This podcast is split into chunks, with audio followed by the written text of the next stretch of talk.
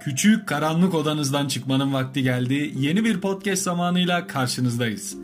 Şimdiye kadar Stanley Kubrick'in 2001 Bir Uzay Destanı filminin hep gelecekle veya teknolojiyle ilgili kısımlarını konuştuk daha çok. Fakat filmde çok daha güzel aslında izleyen herkesin hemen hoşuna giden bir e, kısım var. Bu kısmı pek bahsetmedik. Eski tarihleri anlatan, çok çok eski tarihleri, yeryüzünde gri binaların yükselmediği, bu kadar eski tarihleri anlatan çok tatlı sahneler var. Ve bu sahnelerin neden hoşumuza gittiğini aslında konuşmak istedik. Mağara çağından bile belki önce veya mağara çağında eski zamanlarda bunlar neden hoşumuza gidiyor ya da birçok kişiye sorun hemen hemen herkes dinozorları sever. Zaten Jurassic Park e, meşhur etti. Bu Jurassic dönemi günümüzden aslında 60-65 milyon yıl önceki bir dönemi anlatan arkeolojik bir tarihleme ismi aslında. İsmini oradan alıyordu. Ve ondan sonra biraz daha popüler oldu belki. Fakat ondan önce de bu buluntular başladığından itibaren o dönemler popüler olmaya devam etti. Veya doğadan bağımızı biz kestikten sonra zaten insan olarak bu daima eleştirildi. Değişik sanatçılar tarafından birçok şiirler yazıldı, öyküler yaratıldı, romanlar yazıldı. Amerika'da da e, bunun 19. yüzyılla birlikte hatta 18-19'la birlikte başlayan transcendentalizm diye bir olgu var. Ve bu olguyla birlikte insanlar aslında doğadan kopmanın sıkıntılarını ta o zamanlardan görmeye başlıyorlar ve bunu eleştiriyorlar e, bir noktada. Neden seviyoruz bu eski tarihleri, eski dönemleri? Çünkü aslında sizi yoruyor. Sizin çalışmalarınızı takdir etmek yerine sizin sürekli yetersiz olduğunuzu anlatan bir daha ileriye, daha iyiye gitme e, süreci var. Aslında daha iyiye gitme süreci bile değil. İyiye gitme süreci var. Yani çünkü yaptığınız şey çok kötü. Hani bravo haydi daha iyisini yap gibi bir sloganla ve motivasyonla hareket edilmiyor da sanki sürekli bir şeyleri yanlış ve eksik yapıyorsunuz gibi bir stres altındayız. Bundan mütevellit zaten çok güzel bir film var Guguk Kuşu diye. Eski bir film. Jack Nicholson oynuyor ve mükemmel bir performans sergiliyor filmde. Ve kanıksadık mı bunu kanıksayıp bununla yaşamaya alıştık mı? Ve baktığımız zaman Google Kuşu filminde gerçekten de o klinikte zorla tutulan bir iki kişi vardı sanırım. Birisi Jack Nicholson'dı. Diğerlerinin hepsi kendi isteğiyle orada duruyordu ve Jack Nicholson şaşırıyordu. Nasıl sen bir karaktere soruyor. Onun bile orada olmasına ihtimal veremiyor çünkü. Yani seni birisi getirip bu kliniğe tıkmış olmalı. Ama hayır o adam kendi isteğimle ben geldim çünkü biraz sinirliyim ya gibi söylüyordu. Hayatın koşuşturmacası içerisinde tabii kaybolup gidebiliyoruz. Bu yüzden de belki bu hiçbir kurumun, enstitünün olmadığı, bize bir şeylerin dayatılmadığı o dönemleri belki içgüdüsel olarak özlüyoruz. Ve dolayısıyla bir akım yaratma süreci var. Yani bu özleme süreci de bizim daha önce belki deneyimlediğimiz genetik hafızamıza yer eden bazı istemlerden kaynaklanıyor. Çok güzel bir mağara var. Sima de los Huesos diye. Burası kemik çukuru anlamına geliyor Türkçe. Çünkü 4000 kemik bulunuyor 28 bireye ait ve karbon teknikleriyle baktıkları zaman e, kaç katman var diye en eski yaşantıya ait katmanın 500 bin yıla tarihlendiği görülüyor. Yani günümüzden 500 bin yıl öncesinde buralarda bir yaşam vesaire başlamış. Ve bu mağara ile ilgili aslında tuhaf olan şey mezar, toplu mezar e, olgusu olduğu üzerinde düşünülüyor. Çünkü tabi bu konuda arkeologlar hem fikir değil, farklı görüşler var. E, ve bu farklı görüşleri ortaya atanlar da çok değerli arkeologlar. Onlara göre Orta Paleolitik'te mezar mantığı bile yoktu zaten bir kısmına göre. Bir kısmına göre var. Var olanlarına göre buradaki bu mağaranın içinde ya da Cima de los Huesos içerisinde bulunan bu taş dilgi bir semboldü. Çünkü baktıkları zaman bu taş dilginin hiç kullanılmadığını görmüşler. Sadece bu dilgi üretilmiş ve oraya süs olarak bırakılmış. Bu da bunu ilk mezar eşyası haline getiriyor ve belki bundan sonra bir gelenek başlatıyor. Mezar eşyaları diye bir zaten apayrı bilim dalı var. Bunları inceliyorlar, kontekstlerine bakıyorlar. Bu aslında bizi öyle veya böyle düşündürmeye sevk ediyor. O dönemde mezar var mıydı gerçekten o 28 birey zaman içerisinde oraya gömüldü mü yoksa öyle atıldı mı? Çünkü sürüklenmediğini biliyorlar. Değişik hayvanlar insanları yese örneğin kemiklerinde maalesef o diş izleri bulunuyor örneğin.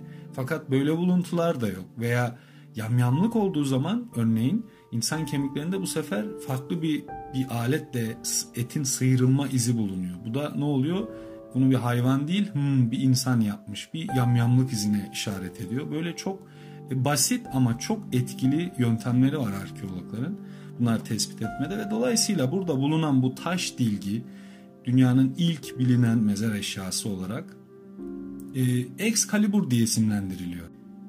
Excalibur diye isimlendirilmesinin meraklı bir tarafı var. Çünkü Excalibur bildiğiniz gibi Kral Arthur döneminden aslında kalan bir anlatıdır. Hatta bazı filmlerinde dahi görmüştüm. Taşa saplanan bir kılıç vardır ve onu sadece değerli olan o taştan çıkartabilir. Böyle bir anlatı vardır. E, ve bu anlatıyı alıp buraya bu mitolojiye yani mitolojik bir noktada anlatma ihtiyacı duyuyorlar. Şimdi bu nereden geliyor? Baktığımızda örneğin uzay programları özellikle gök bilimde daha yaygın görüyoruz Yunan mitolojisini.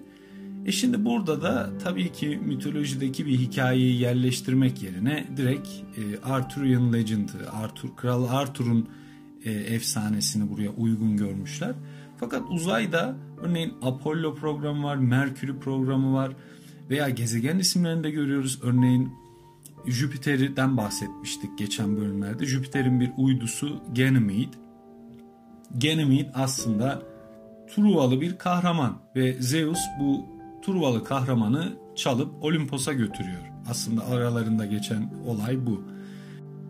Zeus gibi herkesin bildiği Yunan tanrılarının yanı sıra bir de bunların Roman versiyonları var. Yani Yunan karşılığı Zeus ama Roma'da Jüpiter deniliyordu fakat tamamen aynı şeydi aslında.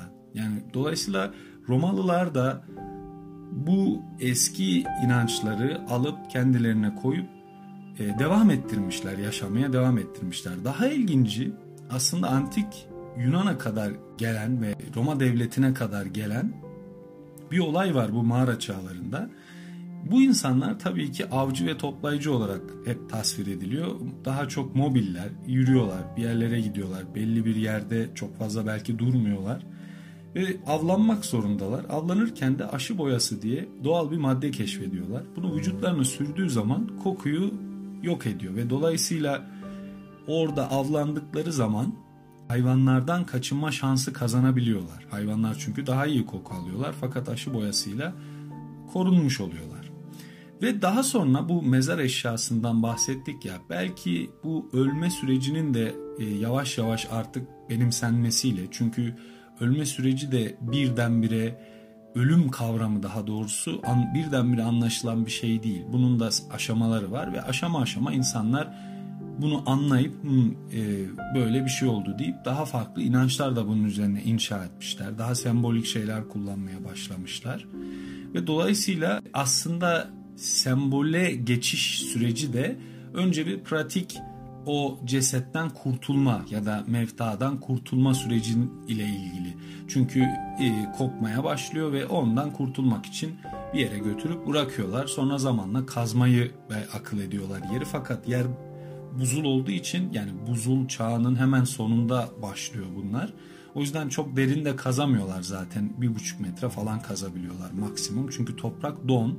Dolayısıyla da böyle bir e, süreç başlıyor. Fakat buraya gelene kadar belki korktuklarından ötürü bolca üzerlerine ölülerin de aşı boyası e, boca ediyorlardı. Ve bu sayede kokularını bastırıyorlardı. Aslında e, bu fonksiyonel bir şeydi. Fakat zamanla daha yeni mezarlara baktığımızda bu aşı boyasının biraz daha belli yerlere toplandığını görüyorsunuz. Mesela kalça kemiğinde bir bozukluk olan birinin kalça kemiğine boca edilmiş. İşte kafaya çok fazla boca ediliyor çünkü kafa kültü diye bir şey var zaten. Ruhun, benliğin hep kafada toplandığı ile ilgili bir inançtı bu da.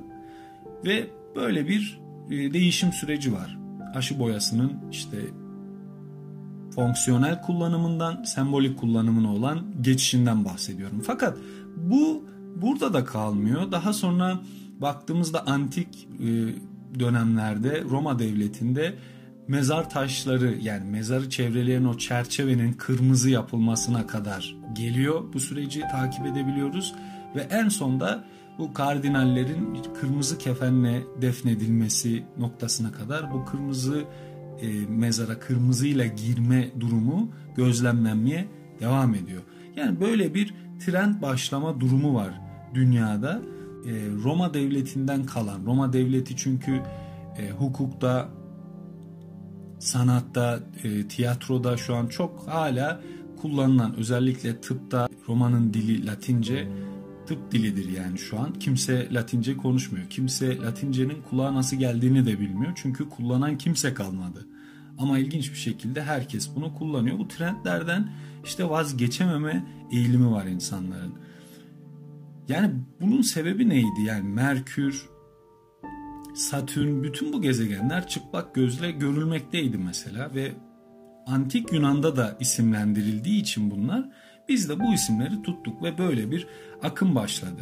Örneğin Uranüs de e, çıplak gözle görülmekteydi ve William Herschel 1780'lerde bunun bir gezegen olduğunu keşfetti ve ismine 3. George'un kral 3. George'un adına ithafen George Star demek istedi İngilizce fakat niye ise İngilizce demeyip Latince Georgium Sidus ismini verdi. Yani George Star demek yerine İngilizce. Bakın o bile bu antik akımdan kaçamıyor. Yani öyle bir algı oluşuyor ki bizde ya bir gök cismi belirliyorsan bu Latince olmalı veya bu mitolojiden bir şey olmalı. Fakat diğer gök bilimciler arasında 3. George çok da popüler olmadığı için Uranüs dedi diğer gök bilimciler. Yine mitolojik temaya uyarak bu şekilde seçtiler. E, şimdilerde ise bu akım yine devam ediyor. Örneğin cüce gezegenler var. Haumea veya Makemake diye. Bunlar da Polinezya mitolojisine ait gezegenler. Yani illa Yunan mitolojisiyle de sınırlı değil. Gördüğünüz gibi Polinezyalı da var. Birçok farklı mitolojilere kullanıyorlar. Fakat trend başladı mı önü kesilmiyor. İlla bir yine mitolojik e, bu sefer bir şey koymalıyız diye hissediyorlar. Dolayısıyla bizim de burada dikkat etmemiz gereken şey aslında tam olarak şu. Bizim milli bilincimizi de ortaya koyan doğuya ve batıya kimin karar verdiği sorusu. Yani gerçekten dünya haritasını şöyle bir açtığınızda bizim ülkemizin bulunduğu yer tam da dünyanın aslında ortası. Yani biz Orta Doğu'da değiliz. Ortadayız. Yani Doğu dediğiniz yer belki Japonya, Orta Doğu dediğiniz yerde Hindistan falan olmalı aslında. Fakat bizi Orta Doğu diyorlar. Yani çünkü dünyayı keşfeden bu büyük keşifleri, coğrafi keşifleri yapanlar Batı dünyasıydı. Dolayısıyla Batı dünyası kendilerini merkez aldılar, Greenwich'i merkez aldılar ve bundan sonra da ne oldu? Bize Orta Doğu dediler. Şimdi diyebilirsiniz ya bunda ne sıkıntı var? Bunda çok büyük bir sıkıntı var. Çünkü isim vermek hak iddia etmektir. Yani bir yere isim verdiğiniz zaman ya da birine ya da bir şeye orada hak talep ediyorsunuz. Yani bu büyük e, çapta da büyük ölçekte de gerçek oluyor maalesef. Ve çok küçük hayatımızın küçük alanlarında da örneğin çocuğunuza isim vermek istiyorsunuz. Fakat ona karışan insanlar işte sizin hayatınızda da söz sahibi olmak e, arzusunda, isteminde olan insanlar oluyor örneğin. Çok basit bir şey canım çocuğun ismi ama büyük ebeveynler bunu karışmak istiyorlar buraya. Dolayısıyla bu e, Türkiye'nin tam Orta Doğu'da olmaması haritacılıkla, coğrafi keşiflerle doğrudan ilgili maalesef. Örneğin gittiğinizde Avustralya'da yani Avustralya bizim için dünyanın bittiği yer fakat Avustralyalılar için öyle mi? Veya orada sınırlara baktığınızda doğal sınırları hemen görürsünüz dünya haritasında gerçekten doğal sınırların kendiliğinden çizildiği aşikardır. Fakat bir de Avustralya gibi böyle kraliçenin toprakları Queensland cetvelle çizilmiştir. Şimdi baktığınızda bu tarafa gelip bizim e, topraklara gelip yine Mısır tarafları da böyle çizilmiştir. E, buraları anlarsınız ve çizmekle kalmayıp buraları isimlendirirler. Afrika'da birçok koloni zaten o şelalelerine, doğal harikalarına isimler vermişlerdi. Fakat onlar ne yaptılar gelip oraya e, kendi isimlerini verip böyle ünlendirdiler. Çünkü şimdi o insanların orada yaşayıp orayı bilmesi sorun değil. o insanların o yaşadığı yeri dünyaya tanıtabilmesi sorun. Çünkü adamlar yaşadığı yeri bilmiyorlar ki. Orada yaşıyorlar. Kendileri bunu biliyorlar. Fakat bir harita çiz deseniz çizemezler. Yani e, bir kroki kuş bakışı nasıl görünüyor yaşadıkları yerin hiçbir fikirleri yok. Dolayısıyla dış dünyaya da bunu tanıtamadıkları için onu tanıtan kişi burada hak iddia etmeye başlıyor. Bu şimdi e, bizim için gerçekten çok önemli bir durum. Çünkü isim vermek hak iddia etmek olduğu için yarın bir gün hayatımızın herhangi bir alanında da bununla karşılaşabiliriz. Yani size isim vermeye çalışanlardan tutun yani bir lakap takmaya çalışanlar bunlar kesinlikle e, size saldırı halindedirler. Veya işte yaptığınız işe bir isim vermeye çalışan yani bir şeyi isimlendirmeye çalışma durumu. Zaten ismi varsa ve onu kullanıyorsanız bir sıkıntı yok ama bir siz e, var olan bir ismin üzerine bir isimlendirme yapmaya çalışıyorsanız bu gerçekten işleri biraz değiştirebiliyor. Ve büyük ölçekte de tabi uzay yarışı 70'lerin başıyla birlikte aslında başladı biraz. E, ve sonra tekrar bir durgunluk sürecine girdi. Şimdi tekrardan bir hareketlenme var. Ve diğer ülkelerin ne yapacağı belli değil. Gerçekten kaynak materyal çıkaracaklar mı çıkarmayacaklar mı? Fakat baktığınızda şimdi ayın birçok tarafına isim verildi. Mars'ın bir haritası var. Yani Google Earth girdiğiniz gibi Mars'a da girebiliyorsunuz yani. Bir Google, Google Mars var ortada ve bunlar hep isimlendirildi. Dolayısıyla şimdi orada kim hak iddia edecek? Yarın bir gün orada koloniler kurulduğu zaman orada bizim bir hakkımız olacak mı? Yani bunları gerçekten düşünmek gerekiyor ve bir an önce harekete geçmek gerekiyor. Umarım isimlendirmenin bu eski trendin yani hiç bitmeyen e, yani trendlerin en eskisi olan bu isimlendirme trendinin nasıl çalıştığı ile ilgili dilimiz döndüğünce biraz farkındalık yaratabilmişizdir. İsimlendirmeye dikkat edelim. Görüşmek üzere. Hoşçakalın.